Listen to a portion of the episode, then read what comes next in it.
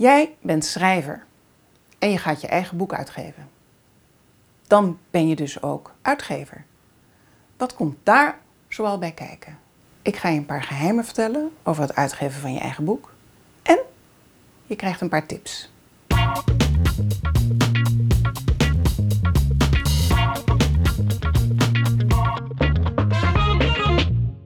Ik ben Door de. Ik heb meer dan 20 jaar ervaring als boekenuitgever, auteurscoach, editor bij uitgeverijen als Het Spectrum, Bruna en Meulenhof de Boekerij. Als Vlinder.nl begeleid ik nu auteurs als auteurscoach, als redacteur, als editor, als vertaler en als ghostwriter.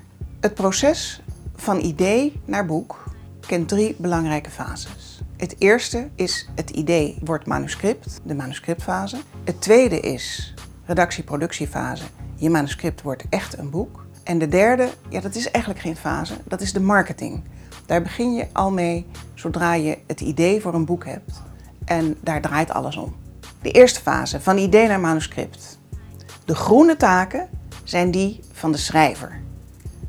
De oranje, die van de uitgever, de regelaar. Jij hebt gedurende het hele proces beide petten op. 2. Van manuscript naar boek. Via redactie, vormgeving, correctie en drukker wordt je manuscript een prachtboek. 3. Een mooie verspreiding van je boek, de marketing. Deze fase begint al vaak voordat je met schrijven begint. Daarom loopt er langs de hele tijdlijn een blauwe band mee aan beide kanten.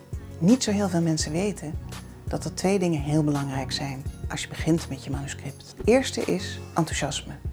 Je moet echt het vuur voelen. En het tweede is tempo. Zorg ervoor dat je snel grote stappen maakt.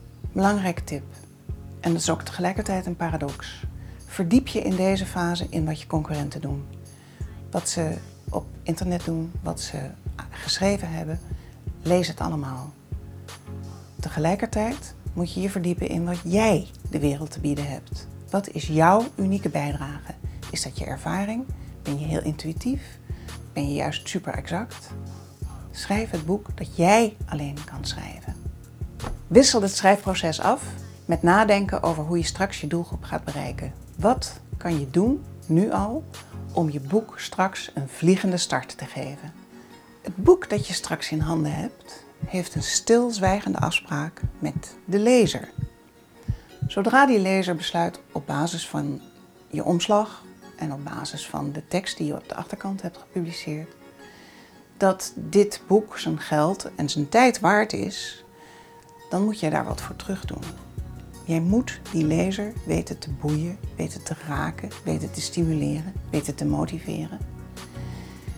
Dus vanaf dit moment schrijf jij met de lezer in je achterhoofd. Daar gaat het allemaal om. Is dit je eerste boek? Haal er dan zo snel mogelijk een schrijfcoach, een redacteur of een editor bij. Want die helpt je om op koers te blijven voor de lezer en zijn optimale leeservaring. Voor deze fase heb ik een uitgebreide checklist gemaakt om te downloaden. Daar staat ook in wat de verschillende freelancers voor je boek kunnen doen. En de kosten van het drukken kun je met Pumbo's calculator heel nauwkeurig bepalen. Schakel je zakelijke netwerk in en natuurlijk de editor, redacteur of schrijfcoach als je die hebt, om je te helpen het boek zo goed mogelijk te krijgen. Je lezer zal je dankbaar zijn.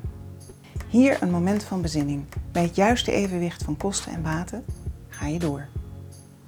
Vervolgens begint fase 2, van manuscript naar boek. Boeken uitgeven is een vak dat zich door de eeuwen heen heeft ontwikkeld. En binnen dat vak zijn er specialismen ontstaan. Overweeg serieus om die specialisten voor je boek in te schakelen. Neem in ieder geval een professionele boekenredacteur in de arm.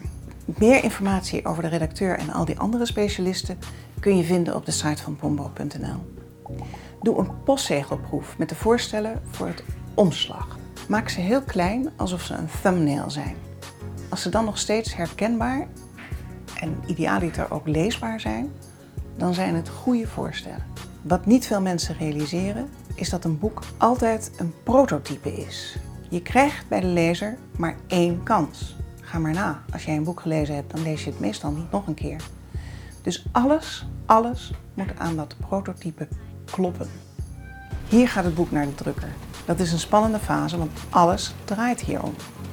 Eindelijk krijg je het boek in handen, waar je al die tijd zoveel moeite voor hebt gedaan. Steek de vlag uit. Je hebt iets te vieren en dat mag iedereen in de straat weten. Fase 3, de marketing. Van je boek een verspreidingssucces maken. Deze fase is, als het goed is, al een tijdje bezig. Marketing is namelijk de basis van alles wat je doet. Vertel op je blog of in een interview hoe het kwam dat je op het idee van dit boek kwam of dat uitgerekend jij de auteur van dit boek werd. Heb je iets bijzonders meegemaakt terwijl je aan het schrijven was?